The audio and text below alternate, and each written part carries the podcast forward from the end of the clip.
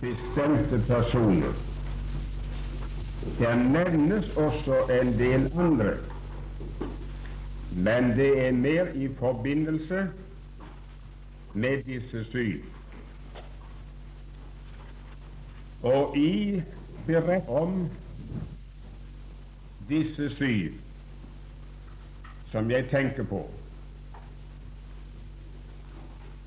tror jeg at Gud har avspeilet hit om et menneskes frelse ifra den dag vi står for ham som en synder og får tro oss frelst, og inntil vi er vel hjemme i herligheten. Det er selvfølgelig mange ting i forbindelse med alle syv som eh, jeg må utelate. Og jeg har en forhåndsfølelse av at det blir litt for skjematisk, det jeg kommer til å si. Men jeg skulle håpe at de historiene er så godt kjent at det skal ikke så meget sies om hver før den enkelte for seg kan anvende det og få noe ut av det. Den aller første av de syv personene jeg tenker på, det er Adam.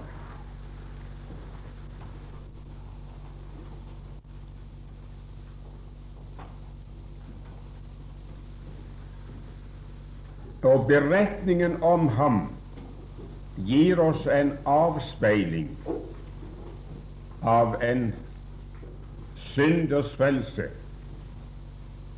av det som er begynnelsen til alt sant, virkelig og levende samfunn med Herren.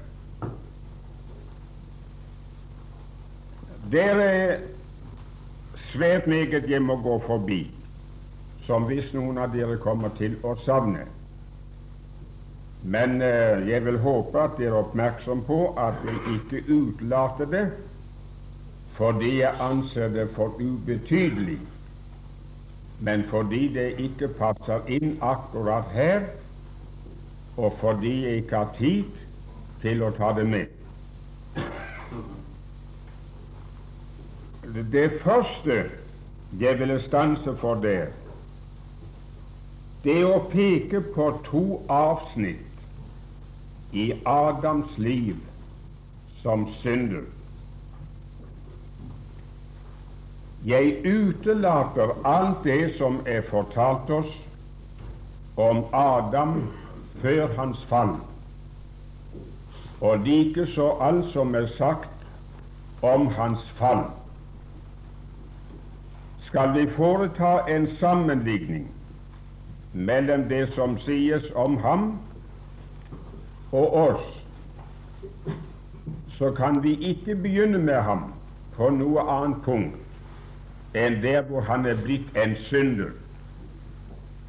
Som ufallen person er det ingen likhet mellom ham og vår erfaring. Så det passer ikke. Men når det gjelder uh, ham som synder, så er det to stadier i hans liv som jeg vil gjøre oppmerksom på. Dere kan se på det syvende vers, åttende vers og tiende vers i Første Mosebok 3. Da ble begges øyne åpnet, og de ble var at de var nakne. Og de heftet fikenblad sammen og bandt om livet. Og de hørte Gud Herren som vandret i haven da dagen var blitt kjølig. Og Adam og hans hustru skjulte seg for Gud Herrens åsyn mellom trærne i haven. Ja, vi tar niende vers. Da kalte Gud Herren på Adam og sa til ham, Hvor er du?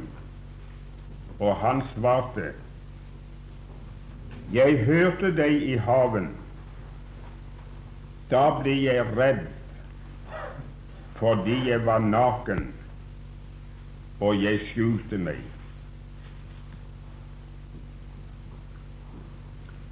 I de vers der får vi se ham som en Ja, jeg vil bruke samme språkbruk om ham som vi bruker om oss selv. Vi får se ham som en vaktsynder. Et menneske som ikke bare er fallen, men som er blitt klar over at han har syndet, og som har sett sin nakenhet for Gud. Han var naken ikke bare rent legemlig, fysisk, men han var naken åndelig. Han hadde tapt og var avkledd for all sin uskyld og all sin renhet.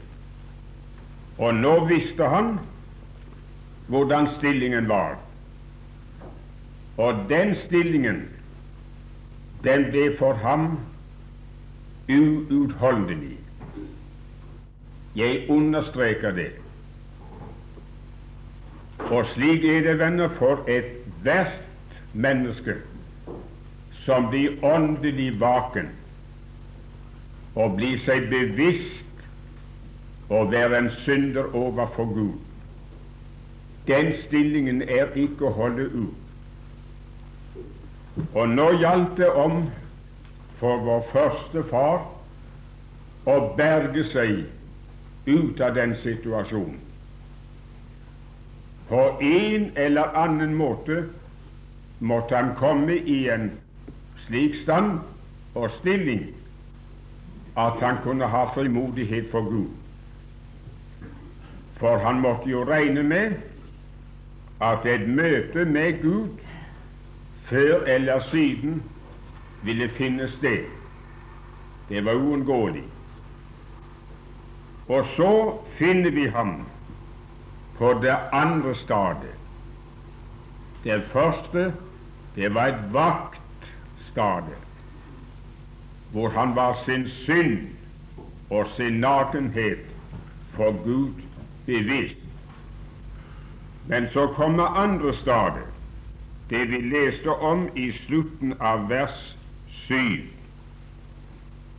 Han begynte, eller de begge to, de begynte å dekke seg med figenblad. De skulle skjule sin nakenhet og sin skam. Og det vil man ord si, venner, at de grep til å berge seg i resultatet eller ved resultatet av sine egne anstrengelser. De tenkte hva skal vi gjøre for å berge oss overfor Gud? Og så fant de ikke på noe bedre å berge seg ved enn å gjøre noe.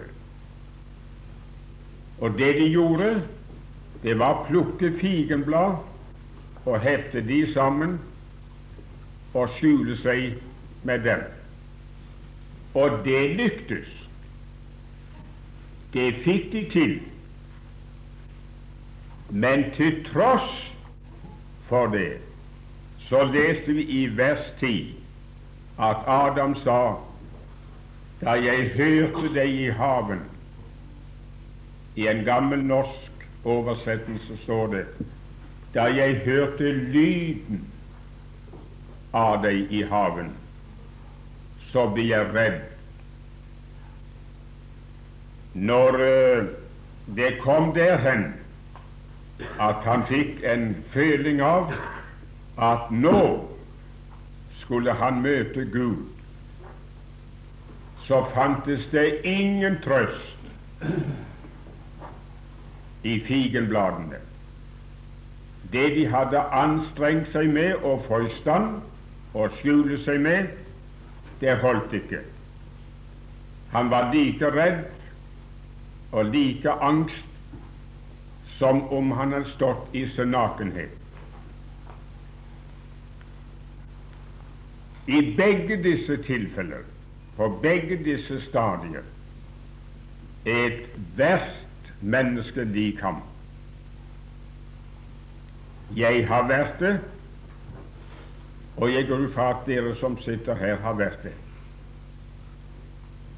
Jeg vet ingenting som er mer uutholdelig enn det å være åndelig vaken, kalt til åndelig bevissthet, slik at vi blir klar over situasjonen, hvem og hva vi er som en synder. I Salme 32 vet dere David snakker om den erfaring han fikk da Gud la sin hånd på ham, og han ble seg bevisst sin synd. Da sier han at min livssaft, den svant hen som ved sommerens tørke. Og jeg stønnet den hele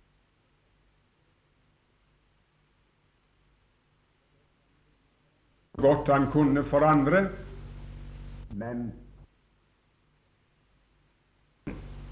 så blir det i orden. Men han var jo konge i Israel, og det ville bli en forferdende, oppsiktsvekkende skandale om det skulle komme ut for offentligheten hva han hadde gjort. Og så tidde han så lenge det var mulig, og holdt på å fortæres. Der kommer, venner, en stund i menneskers liv der man merker lyden av Herren, der man får følelsen av nå må jeg møte ham. Om ikke på annen måte, så kommer tanken veltende innover en at før eller senere skal jeg dø. Og livet nå, mer enn før, er fullt av hastige dødsfall. Så en masse av vårt folk, ufrelste mennesker, de regner med det de kan dø når som helst og går de stadig angst. De snakker ikke om det, de vil ikke folk skal vite om at de er urolige for slike ting. Men det går de og brenner med. Kommer vi dem på nært hold, og de lukker seg opp, så får vi vite hvordan de har det. Og de har mange forskjellige måter, stakkar, som de prøver å slukke den brannen med, som ikke jeg nå kom inn på. Og så griper man, akkurat som våre første foreldre, til å berge oss selv, hjelpe oss selv med egne anstrengelser, ikke med naturlige fikenblad, men med et fromt liv i en eller annen form, så skal vi ikke leve sånn og ikke sånn, for det er forbudt i Guds ord, men slik og slik skal vi være. Slik skal vi tenke, og slik skal vi tale, og slik skal vi handle. Det forlanger Gud. Og så begynner de å, å få det der til. De kommer til en omvendelse, ikke til Gud, ikke fra verden og synden til Gud, men de vender om ifra én måte å leve på og til en annen måte å leve på. og så trøster de seg med det. Men venner, så snart Gud er nær Det kan være i en vekkelse, det kan være under en sykdom, eller som jeg antydet i sted, når de tankene bryter inn over en Kanskje jeg skal dø og møte Gud. Så holder det ikke. Så er angsten og redselen og uroen der. Det er ikke venner, noe så ufeilbarlig kjennetegn på et religiøst, selvbedraget menneske og en levende kristen som nettopp det nå rører ved. Når en troende ikke hører lyden av Herren, når han ikke merker Herrens nærhet, så blir han redd. Da merker han angst. Da faller han på tanken at det kan være noe galt i veien.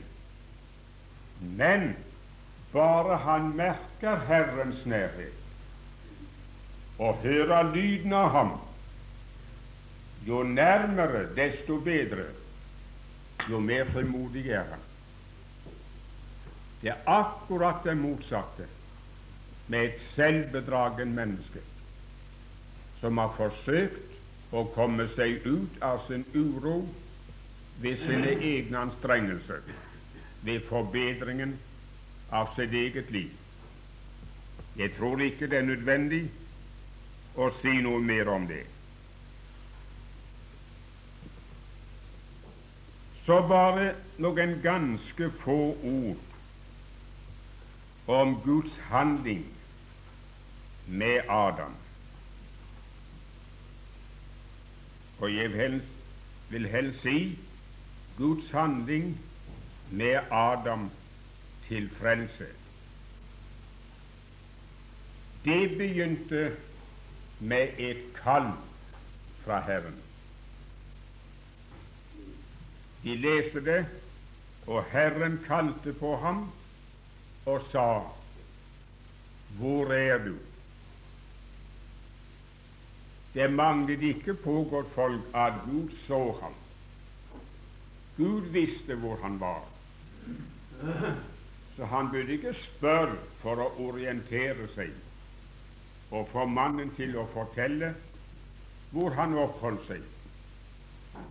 Nei, nei, det var for mannens skyld Gud spurte ham. Gud ville få ham til et åpent redelig, ærlig og om enn et smertelig oppgjør. Han skulle fram i lyset med alt sitt liv og si som det var.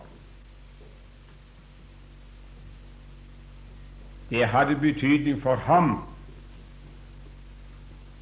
men for Gud betød det ingenting, for han visste hvor han var.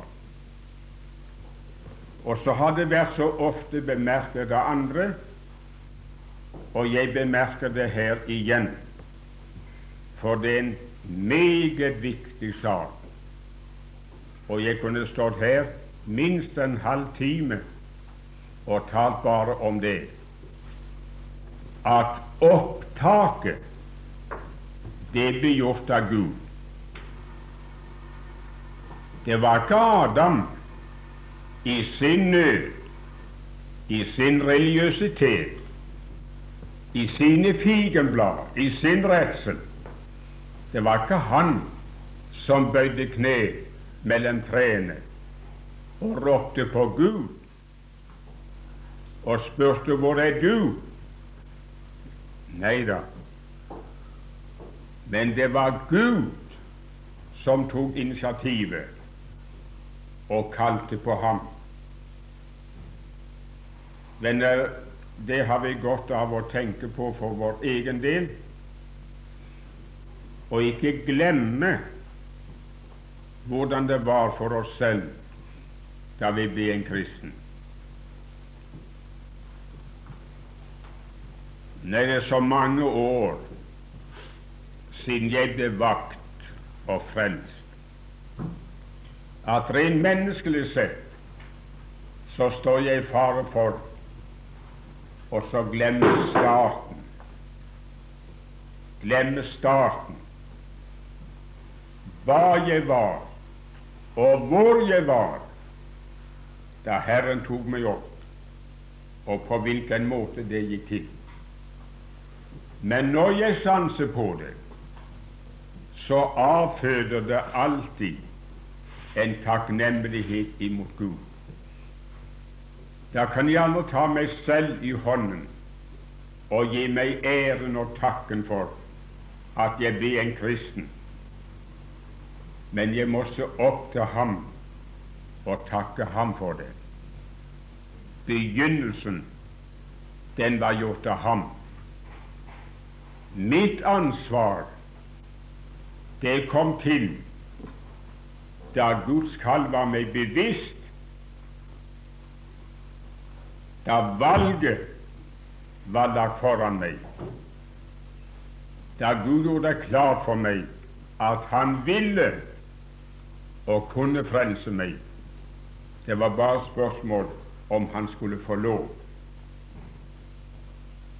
Men starten, den var ikke gjort av meg. Og der kommer vi til et annet forhold, nemlig det at nå ble han gjenstand for en annen avkledning. Før var han ved sitt fall og sin synd avkledd for sin uskyld. I mellomtiden hadde han hengt på seg noen figenblad og trøstet seg til dem. Men nå, ved Guds kall, blir han avkledd sine egne gjerninger, sin egen forbedring, figenbladene. For før han ble ikledd, og kunne bli ikledd de klærne som Gud ga ham, så måtte figen blande vekk. Og i mange tilfeller, godt folk, ja, det, det koster for vantro, verslige mennesker å gi avkall på sin synd og bli skilt med den. For mange av det står hardt om. Men det er noe som koster et menneske enda mer, og som det er vanskeligere å gå med på, og det å bli avkledd sin egen fromhet. Når man har tatt det alvorlig en tid, man har blitt vakt, man har hatt med Gud å gjøre, og så har man begynt å be og lese, fatte for seg og leve slik som man mener Gud forlanger man skal leve, og så noenlunde fått det dertil. For mange får det til. Djevelen hjelper folk å få det dertil, å bli omvendt til et annet og et frommere levesett. Bare han kan få dem til å slå seg til ro med det. Men når de nå har strevd med det der, i kirke og bedehus, kanskje i mange år, og så skal komme der hen og få høre at alt det der, det er verdiløst. Med alt det der er du like fortapt som mannen som ligger i rennestenen.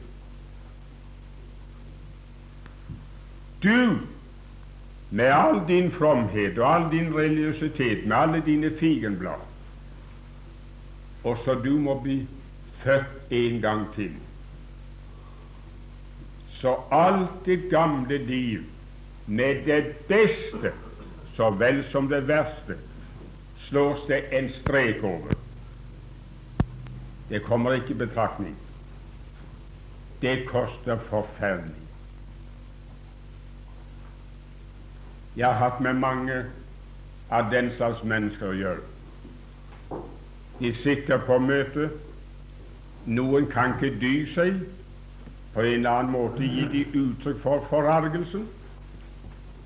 Og andre de går ut i sinne og forargelse og lover at den mannen skal jeg aldri høre igjen. Han står og fordømmer folk. Hva har han med å dømme livet av noen? Nå har jeg bedt, nå har jeg det så meget, og, og mitt liv er like godt som andres.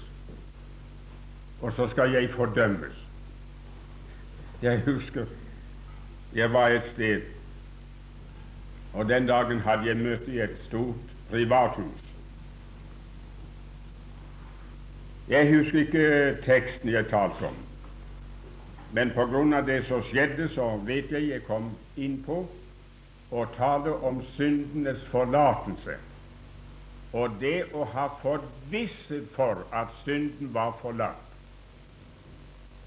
Og så brukte jeg en illustrasjon og sa det er mange som har tatt feil av veien til himmelen. De tror de er på vei til himmelen, og så er de på vei rett til helvete. En gang borte på Gjedderen, jeg var ganske ung, så hadde jeg vært ute og hatt møter en søndag. Det var nokså langt fra jernbanestasjonen, og en mann kjørte meg til stasjonen. Det var bellende mørkt, og intet elektrisk lysanlegg da. Og retningen nord og syd, det gikk helt i tull for meg når vi kjørte.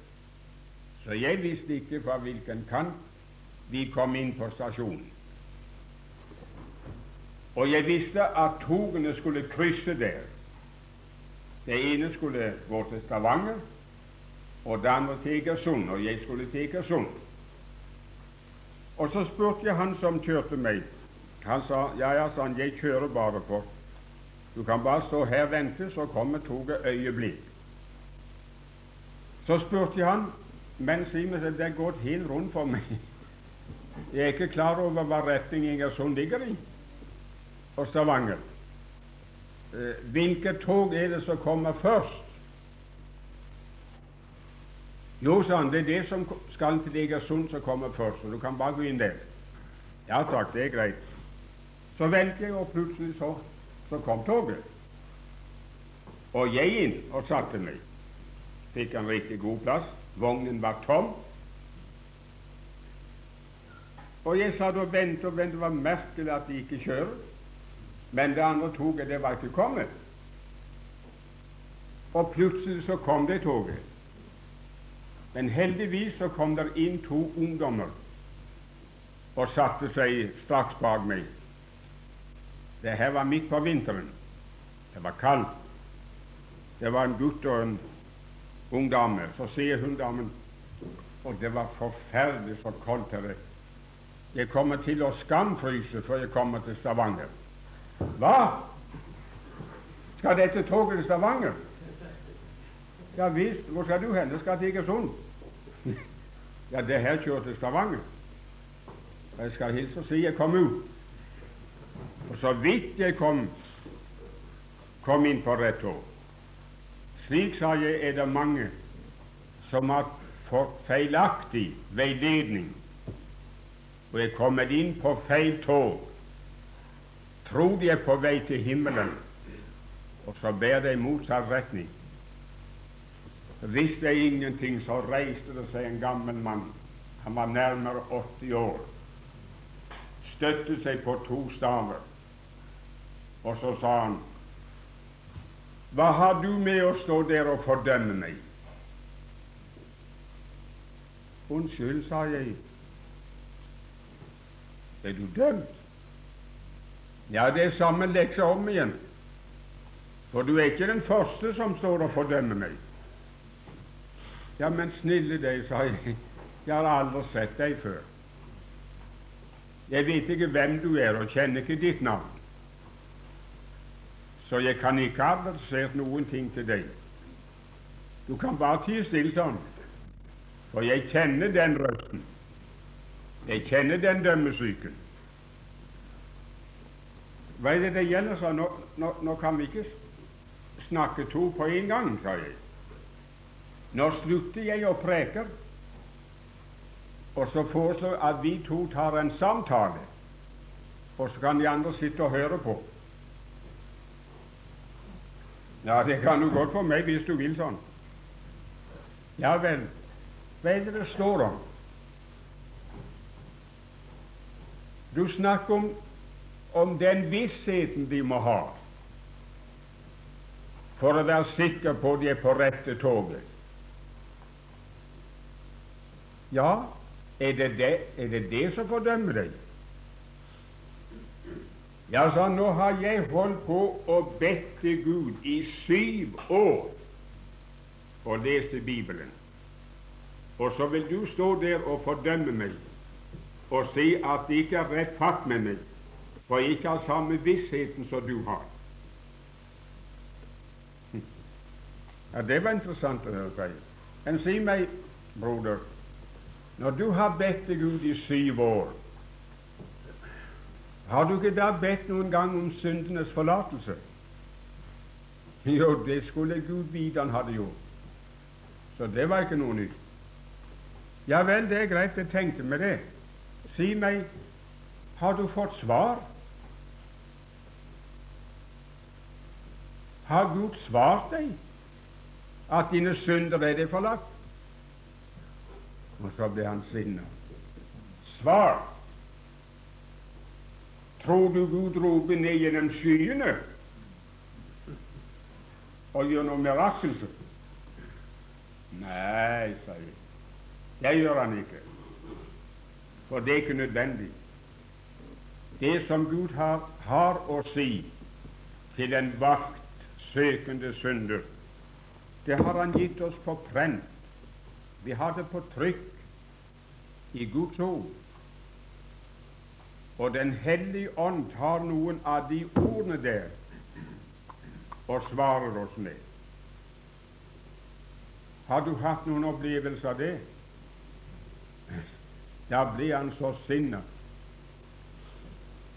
at han stampet av sted med de to stavene, og så ut døren og slo den i veggen så det sang, så alle skulle forstå at han protesterte. Ja, ja, det, det er ikke alltid det verste når folk blir sinna, for da begynner de først ofte å tenke. Jeg kom igjen tre, ett og tre kvart år etterpå det samme stedet. Hadde møte på et annet sted, og hvem andre ser jeg sitter langt nede enn nettopp den gamlingen. Men ansiktet hans det var ganske annerledes. Da jeg var ferdig, så reiste han seg og sa unnskyld, er det tillatt for noen annen å si noe her? Ja da, vær så god hvis du har noe å si. Ja, sånn jeg har det. Men kan jeg få komme helt frem? Ja da, kom bare helt frem kom han like frem. Så sto han først en stund og grå. Så så han bort på meg. Så han, kan du huske første gangen du var her? Ja, så det husker jeg. Og det husker jeg på grunn av deg. Ja, sa han. Det var ikke for du vet jeg blir så sinna. Jeg vet ikke noen mann jeg har vært så sinna på som jeg var på deg den dagen. Nei, jeg skjønte det, sa jeg da du stakk ut og slo igjen døren. Ja, sa han.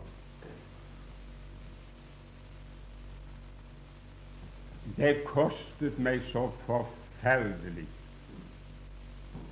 å levere fikenbladene. Jeg hadde strevd i så mange år å kle på meg, og så mente jeg det var i orden. Men det var en viss angst og uro allikevel. Og når du rippet opp i det der på din måte, så stakk sinnet meg. Men det merkelige var sånn jeg kunne aldri komme fra det spørsmålet du ga meg til slutt. Har du noensinne opplevd at Gud har svart deg gjennom sitt ord? Så måtte jeg i natt innrømme det hadde jeg aldri opplevd. Så var jeg klar over at enten var du på vei til himmelen, og jeg til helvete, og eller omvendt. Vi var ikke på samme tog, og i den stilling kunne jeg ikke leve lenger. Men før den natten var til ende, så var det blitt meg klart jeg var på feil tog. Så nå, sa han, er ikke bare mine ungdomssynder kastet over bord, men selv min kristendom, som jeg hadde bygd opp i løpet av mange år, er kassert. Og nå kjenner jeg Kristus Jesus som min rettferdighet. Den er det lite stykke av livet, slik som dette jeg nå snakker om, ytrer seg i det praktiske liv. Det siste vi går med på, er å levere dydene våre, fromheten vår. Og så står det naken for Gud og ta imot en frelse som vi intet strev har hatt med. Og bare et par ord om det til slutt. Om du ser på det 21. vers, så står der at Gud, ingen andre, men Gud gjorde dem kjortler av skinn, og de ble de ikledd. Bare et par bemerkninger der. skinn taler om død. Like sikkert som Gud sto der med tortler av skinn, like sikkert var det uskyldige dyr som hadde gitt sitt liv i døden.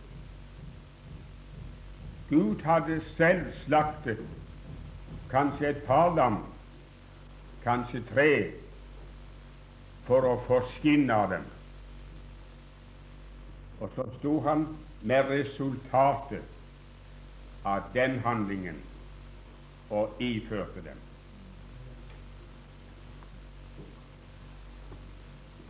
Det behøver visst ingen forklaring. De klærne de hadde ikke Adam hatt noe bryderi med. Hadde ikke tatt sin hånd i den. Og de var ukjent for ham. Han visste ikke om dem.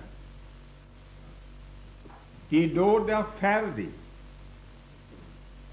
Og de lå der ferdig akkurat for ham, uten at han visste om det.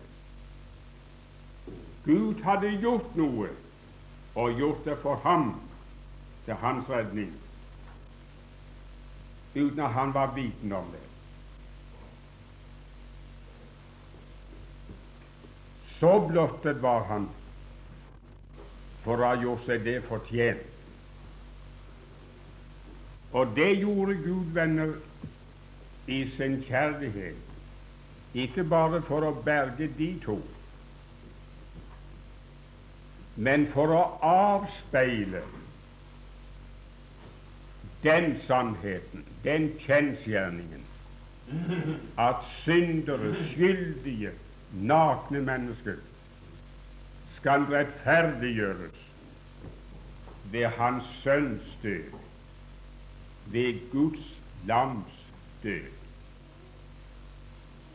Så det er bare en skygge av Golgata, en skygge av Kristi død, som vi ser her.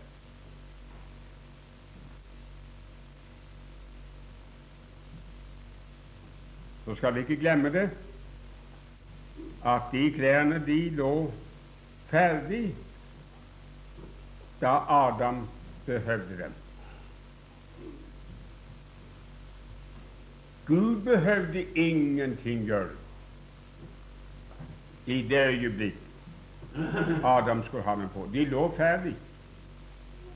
Og langt mindre behøvde Adam og Eva gjøre noe. Det var ferdig. Trenger det noen forklaring når det gjelder å overføre det for den frelse Kristus er blitt oss? Det som er resultatet av hans død. Jeg tror ikke det. Men det er én ting som jeg så spesielt ville understreke. Ikke bare fordi jeg rent teoretisk og læremessig ser det viktig, men fordi det har betydd så uendelig meget for meg selv. Det har gjort det før, og i en forstand enda mer nå.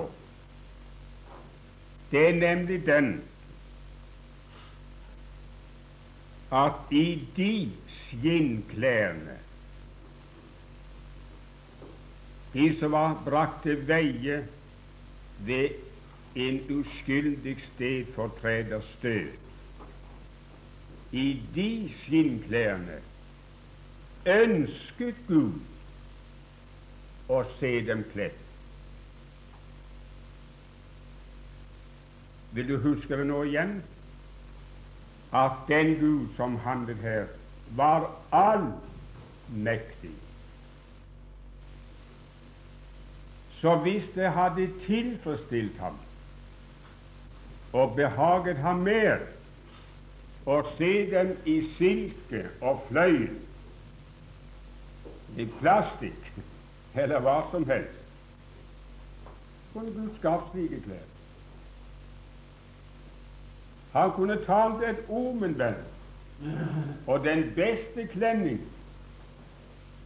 som denne verden har sett, av annet stoff, ville ha lagt der.